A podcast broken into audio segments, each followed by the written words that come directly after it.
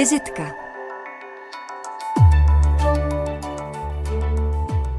Hezký den, milí posluchači, vítejte u dalšího vydání pravidelného vltavského pořadu Vizitka. Naším dnešním hostem je dokumentarista Petr Jančárek. Hezký den. Hezký den. Od mikrofonu zdraví Tomáš Pilát. Pojďme vás, pane režisére, nejdřív trochu blíže představit. Vy jste tedy dokumentarista, jak jsme řekli, scénárista a režisér. Na řadě dokumentárních projektů se podílíte i jako kameraman a taky jste vášnivý fotograf. Máte na kontě filmy jako například Čečenský sen, Dokud nás smrt nerozdělí, Hlasy z ostrova svobody, Zpátkyní krok a neb zpráva o podepisování v Čechách, příběhy bezpráví, sérii hraných dokumentů s názvem Rozsudek, Václav Havel, Praha hrad nebo Váleční reportéři. Od roku 2009 působíte jako pedagog Sleské univerzity v Opavě. Pracoval jste jako režisér a scénárista audiovizuálního centra ČVUT, jako redaktor a režisér Československé a České televize. Od roku 1995 jste na volné noze a spolupracujete s novinářskou agenturou Epicentrum a s humanitární organizací Člověk v tísni, kterou jste spolu zakládal a dneska jste taky členem její správní rady. No a spolupracujete taky s organizací Postbellum. Absolvoval jste řadu misí jako válečný reportér, například do Hongkongu, do Libanonu, do Kosova, na Kubu, do Izraele nebo do Palestiny a taky jste byl aktivním účastníkem řady humanitárních misí, například v Sarajevu, v Bosně nebo v Čečně. Jako spoluautor jste se podílel taky na výstavě Havel v Centru současného umění DOCS kolekcí videoartu společně s fotografy Tomkem Němcem a Bohdanem Holomíčkem a loni na Jihlavském festivalu měl premiéru váš nejnovější dokument Tady Havel, slyšíte mě? I s tím otazníkem na konci, který je sestavený ze záběru z posledních tří let života Václava Havla. Jaká je vaše poslední vzpomínka na Václava Havla? Poslední vzpomínka na Václava Havla je velice přesná.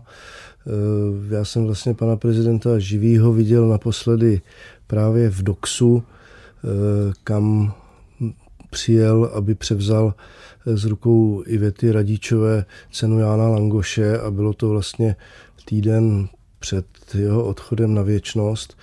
A pamatuju si dokonce i poslední slova, která směrem ke mně řekl, protože se mě zeptal, jestli nevím, kde, mám, kde má svou zelenou a červenou fixu, protože si tam vzal jiný sako na, to, na tu událost, takže to nemohl najít ty fixky, kterýma se s oblibou podepisoval. Věděl jste, kde je má? Pomohl jste mu při hledání? Eh, já už si to nepamatuju takhle, ale myslím, že, eh, že ne, že, že se to muselo nějak hledat dál ještě chvilku. Vy jste v jedné vzpomínce na Václava Havla řekl, že když vás pan Havel požádal o tuto práci, tedy abyste zdokumentoval ty jeho poslední léta, tak vám to změnilo život. V čem? Určitě mi to život změnilo jednak eh, v tom generálním smyslu, že, že člověku se nestane eh, moc krát za život, že by dostal takovouhle nabídku nebo takovouhle výzvu. Strašně jsem si toho vážil a eh, prakticky to znamenalo, že jsem si trochu musel hm, ten svůj život zorganizovat, protože bylo potřeba, abych vlastně byl schopný co nejvíc času s ním strávit eh, a být vlastně k dispozici tehdy, když to bylo třeba. Jakého Václava Havla ten váš film ukazuje? Tady Havel, slyšíte mě, ukazuje Václava Havla jako důstojného muže, který je na konci života, je to prostě fakt, je to tak, ale eh, muže, který se s tím koncem životním srovnává s naprostou důstojností a velmi elegantně, eh, kdy vlastně bylo pozorovatelné, že už to tělo pana prezidenta odchází, ale jeho mysl a jeho duch zůstal až do posledních dní, pokud já mohu posuzovat na naprosto dokonalý úrovni, který se člověk mohl jenom klanět. Čili on si byl vědom toho, že odchází a taky vlastně jedním z leitmotivů toho vašeho filmu je odcházení, jednak divadelní hra a film pana prezidenta Václava Havla a jednak tedy fyzické odcházení Václava Havla ze života. Já jsem si to uvědomil vlastně to odcházení v tom fyzickém smyslu slova v okamžiku, kdy při jedné příležitosti, myslím, že to bylo v Klementínu při návštěvě Pen klubu, najednou pan prezident na konci toho, té události mi začal podávat ruku, což se nedělo předtím, protože jsme se viděli hodně často a bylo to takový jakoby v uvozovkách běžný provoz. A já jsem si najednou uvědomil, že možná začal s tím podáváním ruky, které potom opakoval vždycky, možná právě proto, že, že si říkal, že už to může být naposledy, tak, tak to prostě takhle na mě zapůsobilo. Třeba to bylo úplně jinak, ale prostě takhle, to, takhle jsem to cítil. Hmm. Vy jste řekl, že jste se výdali často. Jak po praktické stránce vypadala ta vaše práce? Jak vypadaly dny, kdy jste spolu točili? Já jsem vlastně pro něj pracoval už někdy od roku 2003-2004 a stal jsem se jakousi součástí jeho týmu eh, ve Voršovské ulici v jeho exprezidentské kanceláři a když jsme v roce 2009 tedy začali to častější sběrné natáčení, tak to eh, probíhalo, takže já jsem byl samozřejmě v kontaktu s jeho eh, lidmi, s jeho spolupracovníky. Dopředu jsme jak si určovali nebo dotazovali u něj, u čeho bych měl být, u čeho musím být, u čeho naopak není potřeba, abych se nějakým způsobem s kamerou účastnil. Takže to bylo mm, v naprosté většině případů předem naplánovaný a eh, a pak se to najednou stalo takovou úplně přirozenou záležitostí, vlastně v tom dobrým slova smyslu automatickou, že vlastně kam on jel nebo kam cestoval, kam šel, takže jsem tam, pokud jsem jenom já trochu mohl, tak jsem tam u toho byl. Stalo se někdy, že by třeba jeho okolí už nechtělo, abyste točil třeba určitou situaci a pan prezident Havel řekl, nechte ho, on dokumentuje můj to, život. To bylo součástí vlastně celého toho režimu, toho natáčení, že já jsem měl vlastně puvár od eh, pana prezidenta na to, abych točil prakticky všechno, ale vždycky na začátku a e, začasté, když to byly takové velké věci jako e, setkání s Billem Clintonem a, a, a prostě takový nejvyšší úroveň, e, která přesahovala i do té společensko-politické sféry, tak vždycky šel dotaz dopředu, jestli tam může být kamera a pan prezident jaksi artikuloval své přání, aby tam byla prakticky u všeho. Měl potom ke způsobu vaší práce pan prezident nějaké připomínky nebo kontroloval vámi natočený materiál?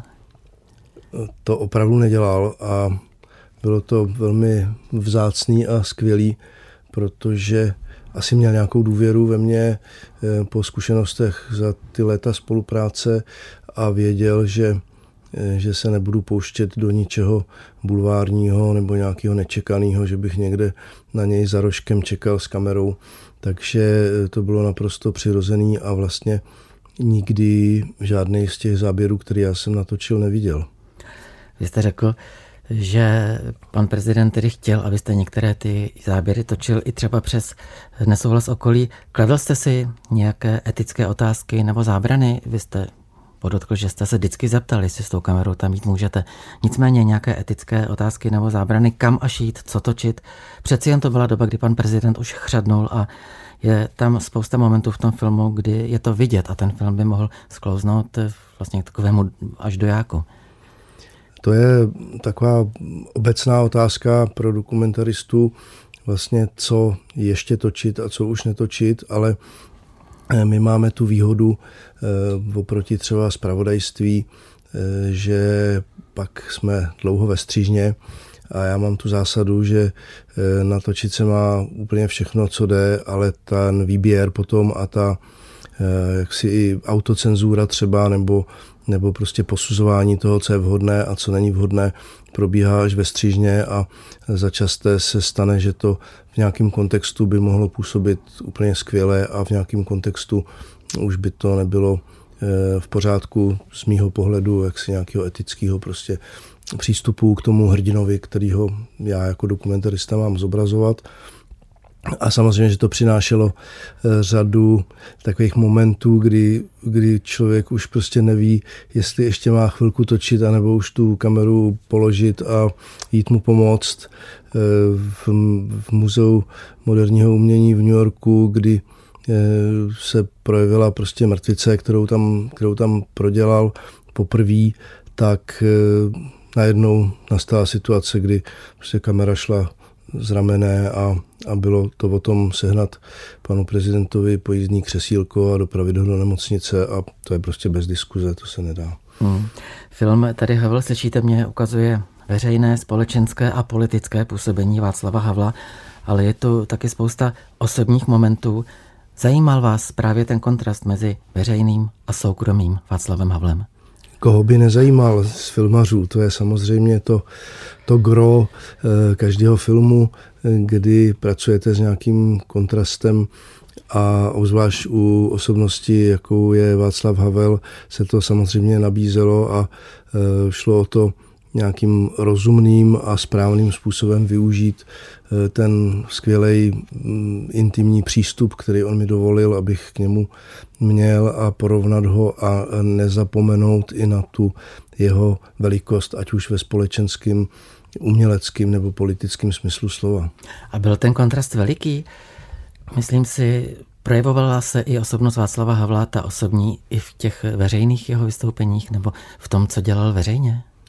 Určitě jo, protože eh, se často stalo, že nějaký bodyguardi, kteří eh, neměli úplně přesné informace, tak mě chtěli někam nepustit a on řekne, ne, ne, pan Jančárek jde s náma, to je v pořádku, to je prostě člen mýho týmu, takže to je jako kdybych tam šel já. Hmm. Ve vašem dokumentu Václav Havel mluví o jisté osamělosti, která pramení z jeho postprezidentského statusu z toho, že vlastně nikdy už nemůže dělat nic tak zcela podle sebe, pořád má okolo sebe někoho, ale nejsou to ti jeho nejbližší. Myslíte si, že se Havel v těch posledních letech opravdu cítil osamělé a že ho to trápilo? Já myslím, že se cítil osamělé, že ho to trápilo, ale tak, jak on byl prostě velký chlap, velký člověk, tak to nedával moc najevo a vlastně těch momentů, kdy eh, to jaksi vytrysklo na povrch, že se cítí eh, sám uprostřed toho mega dění složitýho prostě cestování a tak dále, tak těch bylo, těch bylo málo. Na druhou stranu jste do toho svého dokumentu vložil i humor, který konec konců byl Václavu Havlovi vlastní. Vy třeba scéna s vysavačem, kdy Václav Havel si vlastně neví rady s vysavačem, chce na hrádečku vysát koberec a úplně neví, jak na to. A nebo scéna, kdy je Václav Havel na návštěvě u Miloše Formana a ti dva slovutní pánové, slavný režisér a velký politik a myslitel hledají nějakou disketu s filmem, nejsou schopni ji najít a pustit si film, který si chtějí pustit. Asi schválně, tam máte i tyhle ty momenty.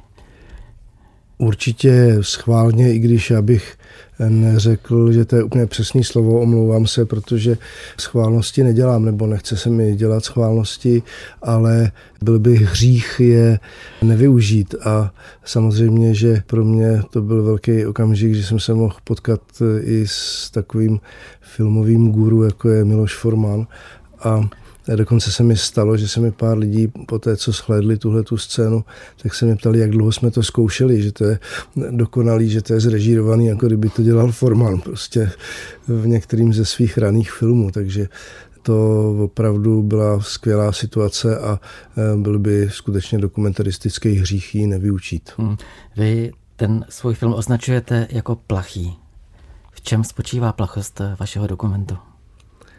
My jsme si to s producentem Jirkou Konečným uvědomili při té jedné z posledních scén, kdy pan prezident má řeč k, os, k lidem, kteří se účastní oslavy jeho 75. narozenin a kdy on tam k ním promlouvá a říká, že je jiný než ostatní lidi, protože normální člověk je ze začátku takový prostě mladý, neskušený, nejistý a čím je starší, tím je drzejší a u něj, že prej to bylo, jak říkal pan prezident a říká v tom filmu našem, že byl napřed drzej a pak se stával čím dál tím plašším a my jsme si vlastně uvědomili, že ten náš eh, dokument o něm je taky tak trochu plachý. Václav Havel o sobě říká, že je plachý i v tom vašem filmu. V čem konkrétně, v jakých situacích, v jakých momentech se ta jeho plachost projevovala? Na mě to vždycky dělalo strašně dobrý dojem eh, a potvrdil jsem si, že jsem opravdu s tím správným hrdinou, eh, protože on se nikdy někam necpal, ne, neprosazoval, nenutil se. Eh, vždycky spíš byl problém ty situace nějakým způsobem vytřídit nebo je neabsolvovat, když už mu fyzické síly nestačily. Čili on byl vlastně plachý celou tu dobu, co ho znám a projevovalo se to nejenom jaksi v jednání po hotelích a v nějakých oficialitách, ale i E, i v jeho kanceláři, kdy, kdy prostě začasté to byl on, kdo první zdravil, kdo prostě se strašně krásně choval ke svým spolupracovníkům. Takže ta plachost byla, řekl bych, vše prostupující a trvalá stála. Hmm. Jste si s Václavem Havlem blízcí i v tom, že vy jste třeba plachý dokumentarista. Vy říkáte, že máte nejraději metodu moucha na stěně při své práci. V čem spočívá a používal jste ji při práci na dokumentu? Já myslím, že to byla jedna z vlastně podmínek nebo jedna z věcí, které mě eh, k panu prezidentovi přiblížili a který umožnili, že to vlastně takhle bylo, protože já mám tu zásadu, že dokumentarista, pokud to jenom trochu jde, nemá ovlivňovat ty děje, které se odehrávají před jeho kamerou a k tomu je právě ta metoda moucha na stěně úplně ideální. Já jsem nejradši, když se můžu v jakémkoliv prostředí, kde natáčím, stát neviditelným a vlastně eh, když kdy na mě ty hrdinové, co jsou před kamerou, zapomenou a, a vlastně se jim o to víc můžu přiblížit. Pojďme trošku ještě hlouběji do historie vašeho života. Řekněme, vy jste vyučený panelář a vystudovaný stavební vodohospodářský inženýr.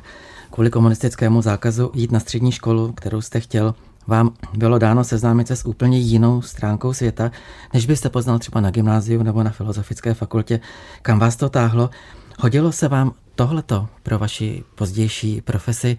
Ono to zní trošku jako vtip, ale já jsem vlastně těm komunistům, který kvůli rodičům, kteří byli tak trochu protirežimní v těch letech 70. tak jsem jim vděčný, protože eh, jinak bych skončil, nevím jak, asi na chemický průmyslovce v Ústí nebo kde, ale oni to zakázali a já jsem se pak nějakou schodou náhod dostal na učební obor mechanik výroby stavebních prefabrikátů, tedy stručně řečeno panelář, uh-huh. který byl s maturitou, čili jsem vlastně nestrácel žádný čas v tom životním běhu základní střední škola a vejška. No a potom se rodina, když jsem skončil s panelařinou, možná naštěstí pro panelovou výstavbu, tak eh, se eh, rozhlídla kolem a jediná fakulta, na kterou jsem se mohl dostat, protože tam byl někdo nějaký dostatečně vysoko postavený, známý, tak byla stavební fakulta vodní stavby a vodní hospodářství. A bylo vám to tedy ku prospěchu pro tu práci dokumentaristy? Určitě ano, protože já jsem na rozdíl od eh, toho, co by asi mě bývalo čekalo, to znamená Gimpl a filozofie nebo, nebo fakulta filmová, tak jsem vlastně se dostal do, do režimu e, píchačky v 6 hodin ráno, e, ranní, odpolední, noční směna. E, vím, kdo jsou a jaký jsou dělníci, jak to vypadá v mužské šatně ráno před šichtou, jak to vypadá v kantýně, ve fabrice a vlastně mě to jakoby otevřelo úplně jiný, jiný svět, který jsem do té doby s rodiči, kteří oba dva byli matka, učitelka, otec vysokoškolský pedagog, do té doby, než ho Komančové vyhodili, tak to bych nepoznal. Že? Vzpomíná host dnešní vltavské vizitky, režisér, dokumentarista Petr Jančárek. Vy jste využili možnosti stát se hudebním dramaturgem své vizitky. Jako první skladba z vašeho výběru zazní píseň Lou Reeda, Perfect Day. Proč jste vybral ji? Má nějakou souvislost s Václavem Havlem, o kterém jsme hlavně mluvili?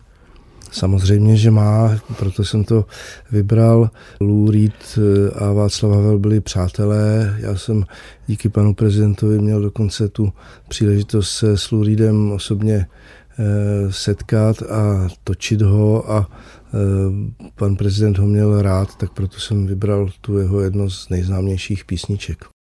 Posloucháte Český rozhlas stanici Vltava, posloucháte pořad Vizitka, dnes s dokumentaristou Petrem Jančárkem. Petře, mluvili jsme o tom, že jste vyučený panelář a vystudovaný vodohospodářský stavař. Dělal jste někdy tuhleto práci?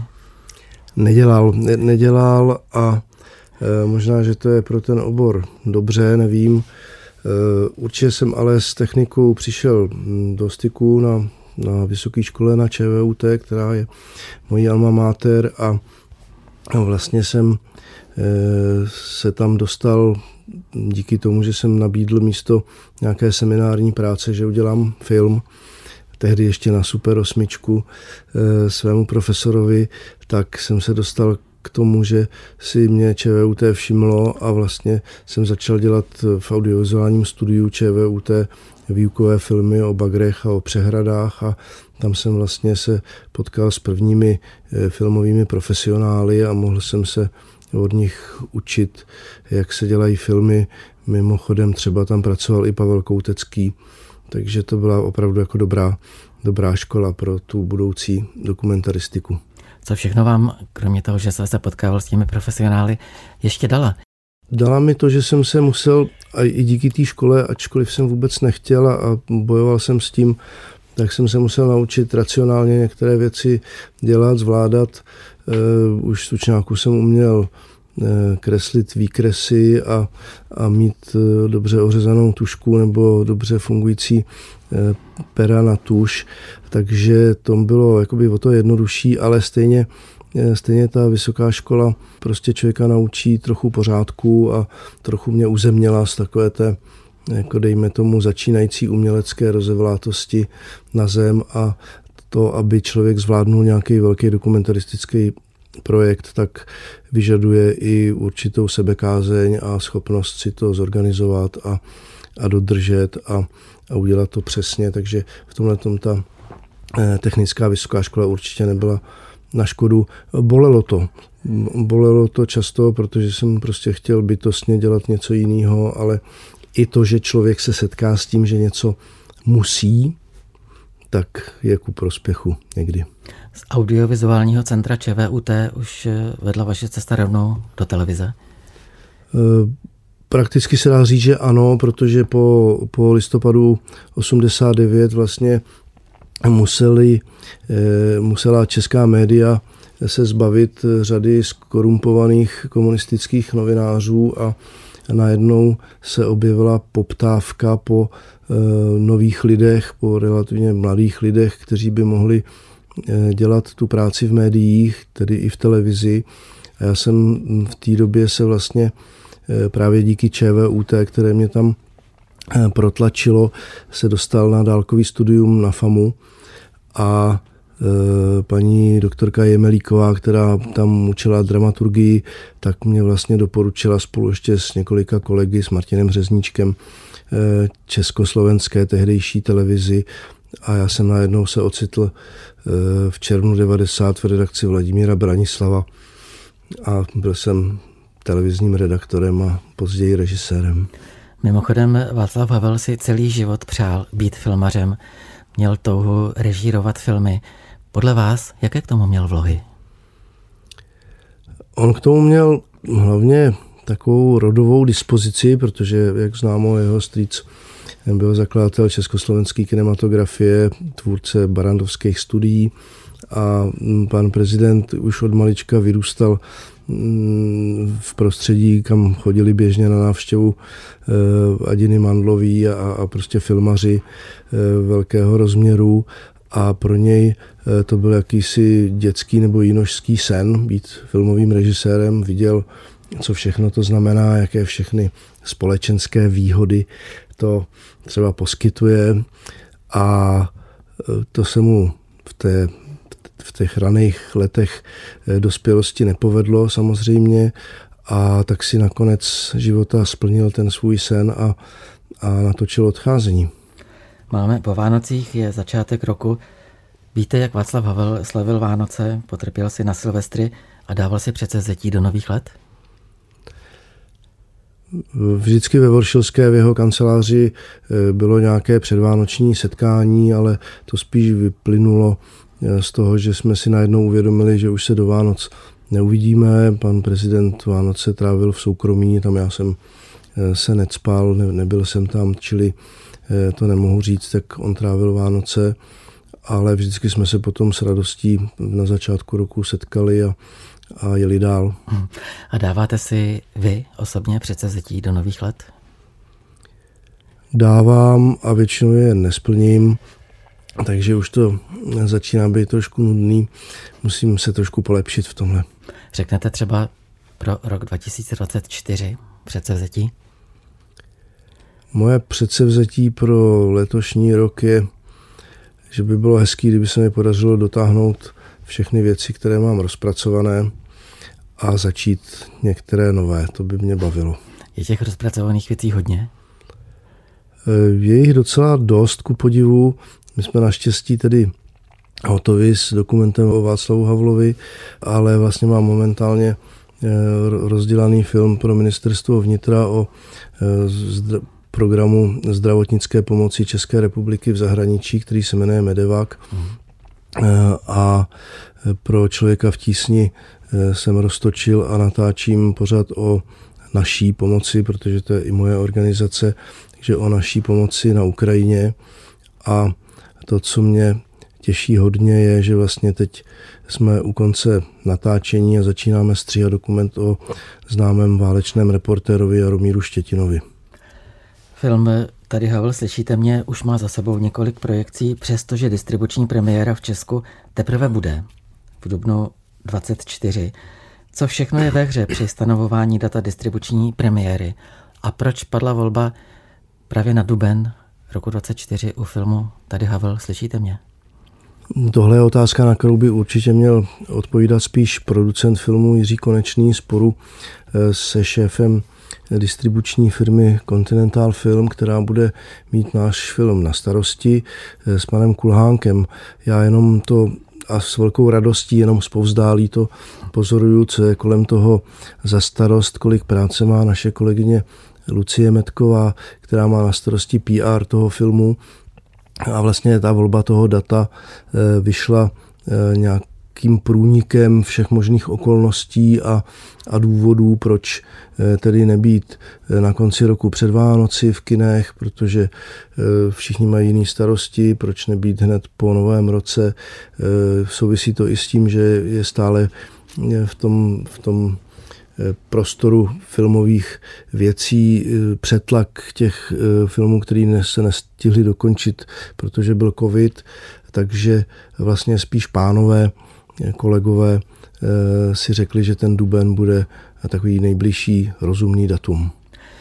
Další otázka, na kterou by asi měli odpovídat distributoři a producenti. Nicméně, jak bude masivní nasazení dokumentu Tady Havel, slyšíte mě, v českých kinech? Půjde ten film, o, kterým říkáte, že je, o kterém říkáte, že je plachý, i do multiplexu? Eh, já to v tuhle tu chvíli nevím, jednáme o tom. Eh, doufám, že ano a doufám, že si své diváky najde a možná, že si je najde i právě proto, že je plachý.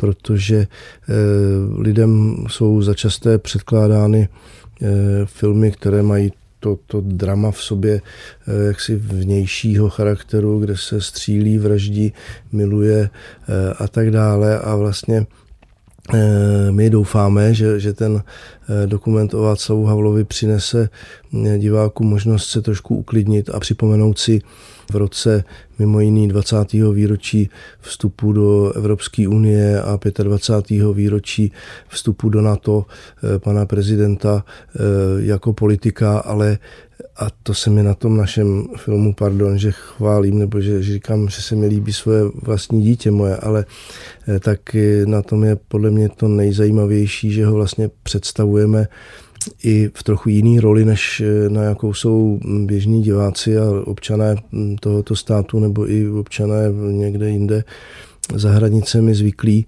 Eh, to je, že ho vracíme do, do společnosti, Eh, tím filmem jako umělce, jako člověka, který měl své sny, které se mu nepodařilo realizovat než na konci života, jako začínajícího a zároveň filmaře, který dělá svůj poslední film, čili připomeneme Václava Havla jako důležitou společenskou politickou osobu, ale zároveň jak si nabízíme lidem se možnost se na něj podívat jako na eh, umělce, dramatika, Eh, filmaře a člověka, který je plachý. Říká host dnešní vltavské vizitky, filmář, dokumentarista, reportér Petr Jančárek. Z vašeho výběru vzešla i píseň Susan Vega Tom's Dinner. Proč tahle?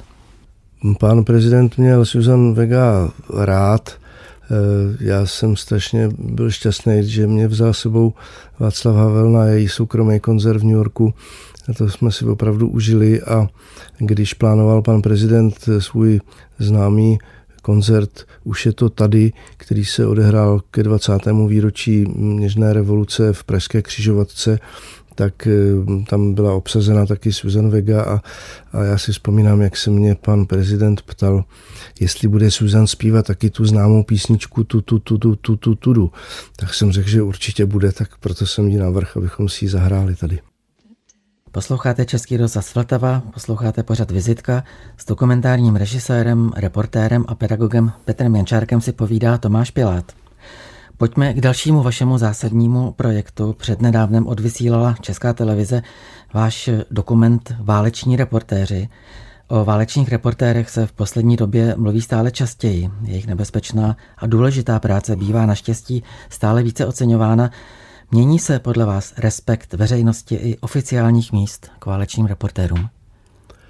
To já nedokážu posoudit, ale pravda je taková, že Role válečných reportérů a jejich osobní přítomnosti v těch rizikových místech eh, podle mě se stále zvětšuje, protože dneska už je eh, v vozovkách válečným reportérem každý, kdo má mobilní telefon a vlastně technické možnosti na falšování čehokoliv ve videu nebo čehokoliv, co se dostane prostě do vzduchu, jsou obrovské, čili ta osobní zkušenost a osobní svědectví reportéra, který něco viděl na vlastní oči, je neocenitelný a význam tohoto faktu stále roste.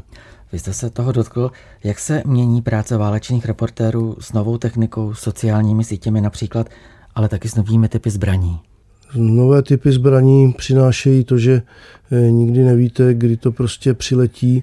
Dřív, a ještě jsem to zažil třeba v čečenské válce, že člověk jako relativně věděl, kde je kdo, eh, odkud se dá čekat eh, nějaký zlo, ale dneska, kdy se používají drony a balistické střely, třeba při ruské agresi na Ukrajině, tak, tak prostě nevíte a a je to vždycky eh, o tom, eh, že prostě nesmíte být ve špatný čas na špatném místě. To se hold nedá, nedá svítit, je to tak.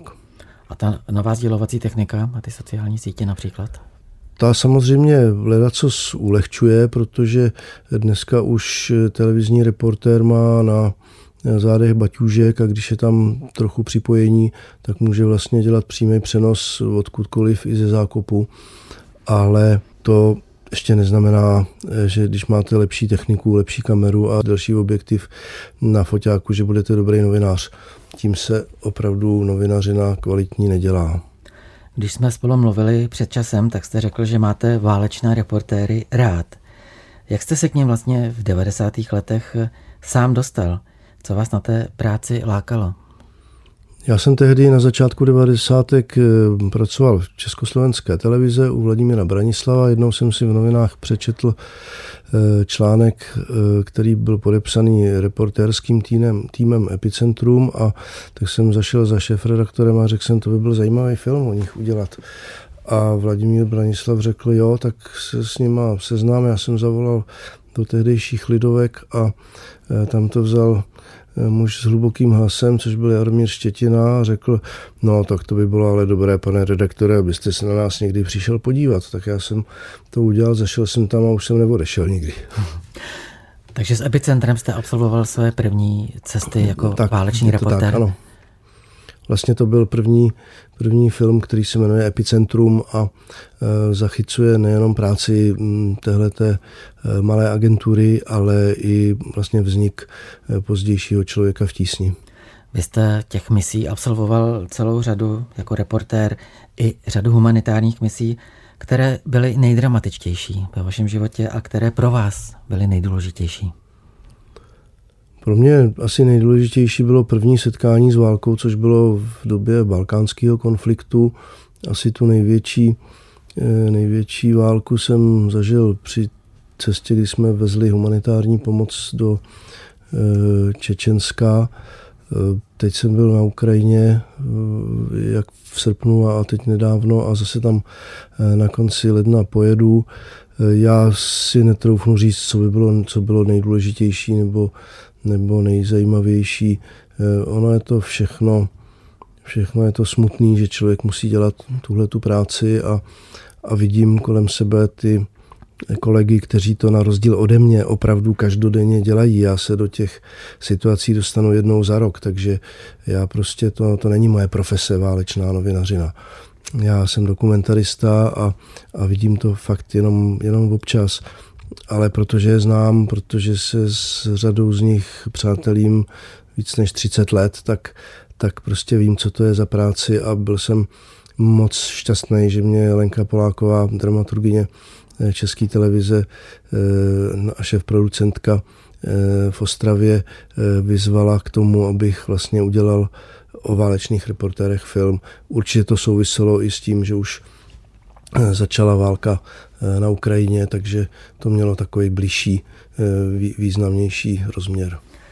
Musí být na povolání válečného reportéra speciální povaha? Nebo jinak dá se podle vás nějak generalizovat?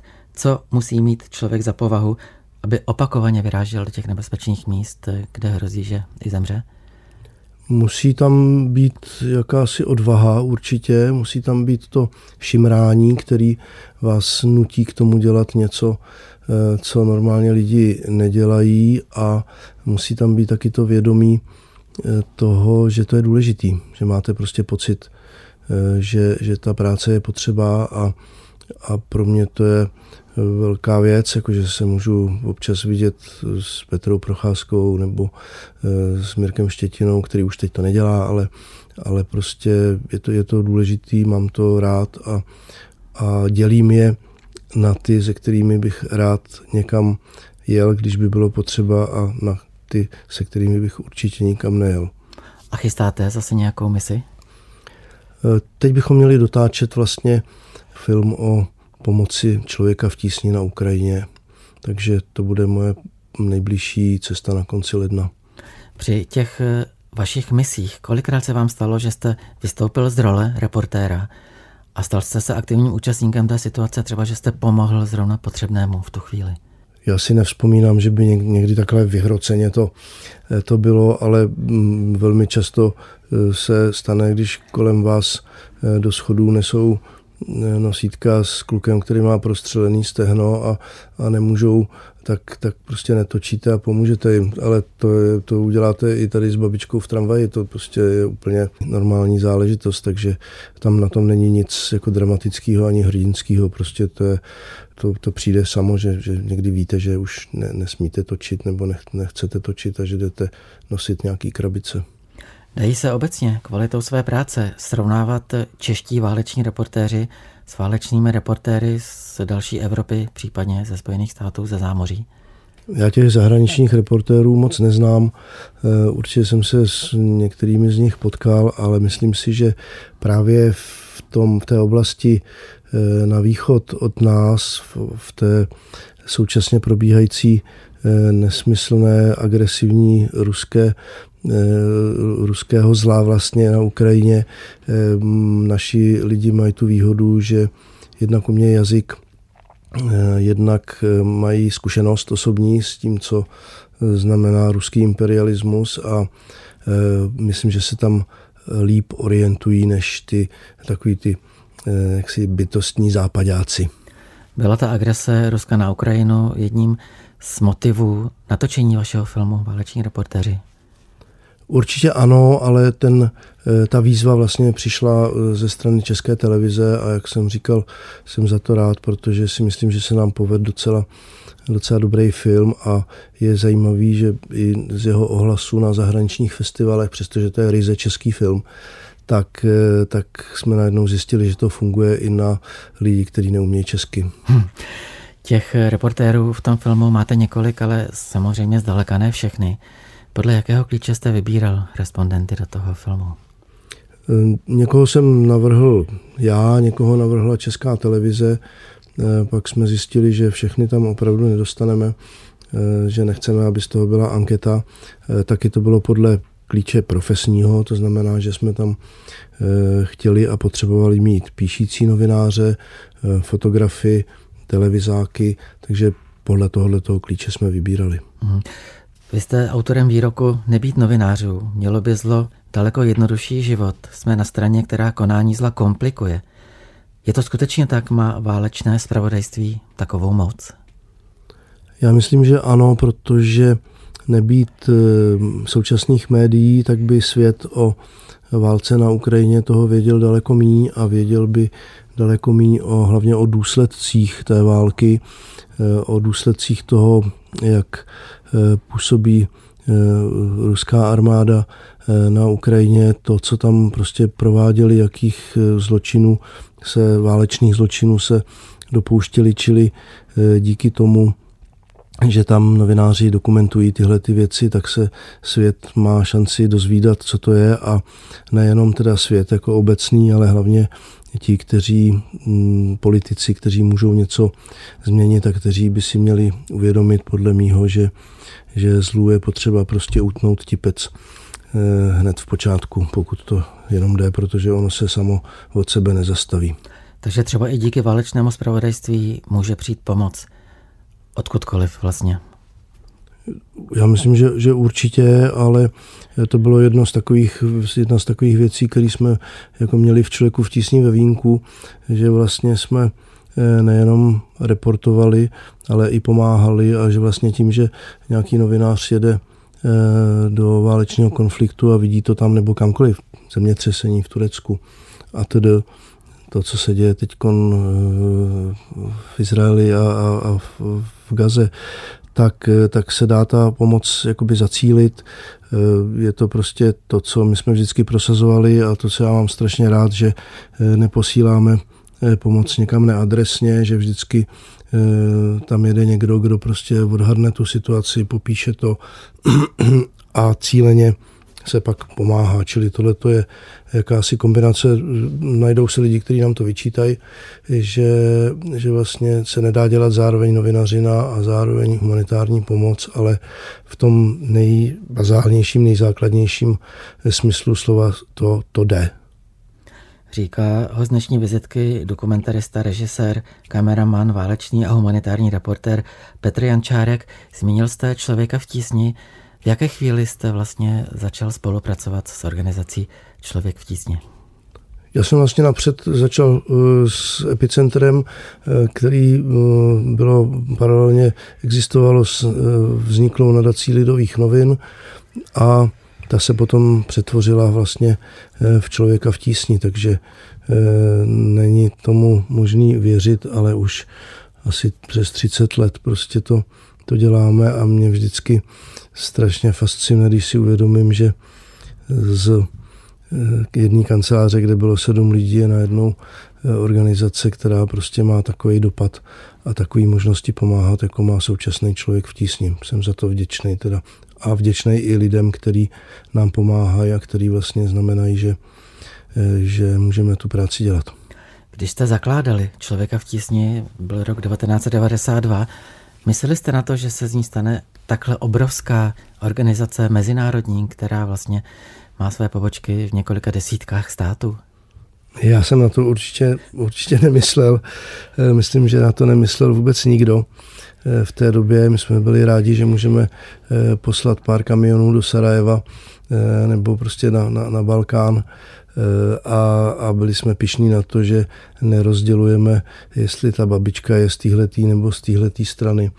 Eh, toho válečného konfliktu a že můžeme pomáhat všem a co je docela důležitý je, eh, je nám často vyčítáno, že působíme v zahraničí, ale my máme taky obrovský eh, pomoci vlastně tady v, v našem státě, takže to je docela důležitá složka člověka v tísni, že se na sociálních programech a tak dále podílíme i tady v Česku. Říkáte, že je vám vyčítáno, že pracujete i v zahraničí. Kdo vám to vyčítá a proč? Tak my máme takovou oblíbenou disciplínu, že sledujeme hejty eh, na sociálních sítích a, tam se leco najde, eh, kdy vlastně ty lidi asi nejsou, asi nečtou noviny nebo nejsou ochotní vlastně eh, přijímat tu informaci, že působíme i tady v Čechách a na Moravě a, a kdo chce psa být, tak si hůl vždycky najde, takže spíše to v takový humorný, humorný jaksi rovině ale zároveň i, i lidi, kteří mají moc, tak se někdy na nás netváří úplně, úplně mm, dobře, ale to už je takový život, prostě to se musí s tím, s tím se počítá vlastně. Zaměřuje se člověk tísně i na boj s dezinformacemi? Určitě ano, eh, existuje na to eh, přímo program, který, který máme a Eh, dá se to velmi snadno najít na sítích. Stejně tak mě třeba strašně se líbí náš program, který působí v oblasti oddlužování a vůbec ty, ty, ty, ty mechaniky těch megadluhů, který narůstají lidem z několika stovkové pokuty, prostě, kterou někdy nezaplatili jejich děti. Takže to je třeba program, který mě je sympatický. Další věc je vzdělávání. Úžasná věc. Máme tři tisíce škol, které s námi spolupracují a využívají i dokumentární filmy, třeba k výuku, k výuce dějepisu. To jsou všechno věci, které probíhají tady na území České republiky a které dělá člověk v tísně a jsme na to pišnej. Takže v tom asi je i význam třeba festivalu Jeden svět nebo projektu Jeden svět na školách. To rozhodně, protože eh, právě eh, ten ten proces, kdy se eh, prostřednictvím festivalu Jeden svět eh, dostanou sem zajímavé dokumentární filmy týkající se lidských práv nebo environmentálních otázek, tak je skvělý a to, že se potom dá tenhle ten materiál využít přímo ve školách, tak je úžasný a znamená to že musíme vykoupit práva, zařídit to, ale, ale ty filmy jsou k dispozici, včetně doplňkových materiálů, včetně lekcí, které si každý pedagog může najít a vlastně eh, z toho eh, jak si designovat nějakou hodinu, eh, kde se využije film a zároveň i nějaký materiál, který jsme k němu dali k dispozici. Říká Petr Jančárek, ještě k vaší pedagogické činnosti. Vy učíte na Sleské univerzitě v Opavě. Kde jste se vzal právě v Opavě? Co tam své studenty učíte a jakými metodami? Já jsem kdysi dělal film o Parkinsonově chorobě a náš hrdina, bohužel už zemřelý skladatel a dirigent Petr Šibilev eh, bydlel v Heřmanovicích v Jeseníkách a eh, měl tam nějakou oslavu narozenin, tak my jsme tam byli točit a tam se ke mně přitočil nějaký muž a říká, eh, když jste ten filmař, my zakládáme na Sleské univerzitě filmový obor, nechtěl byste tam učit? A já už jsem měl nějaký to pivo a fernet, tak jsem řekl, že klidně a najednou jsem tam už 14 let. A jsem rád, protože eh, to má, to má význam být eh, v Opavě, ne, ne zrovna na nějaký centrální univerzitě a že i tam jsou talentovaní lidi, eh, kteří třeba budou jednou dobrými filmaři říká host dnešní vltavské vizitky, dokumentarista, režisér, reportér Petr Jančárek. A ještě vás poprosím o uvedení poslední hudby tohoto pořadu. Budou to Rolling Stones a jejich Lady Jane. Určitě vrátíme se tím k Václavu Havlovi, protože eh, Rolling Stones byli jeho oblíbenými muzikanty, takže eh, ať si posluchači Vltavy užijí tuhle tu skvělou hudbu.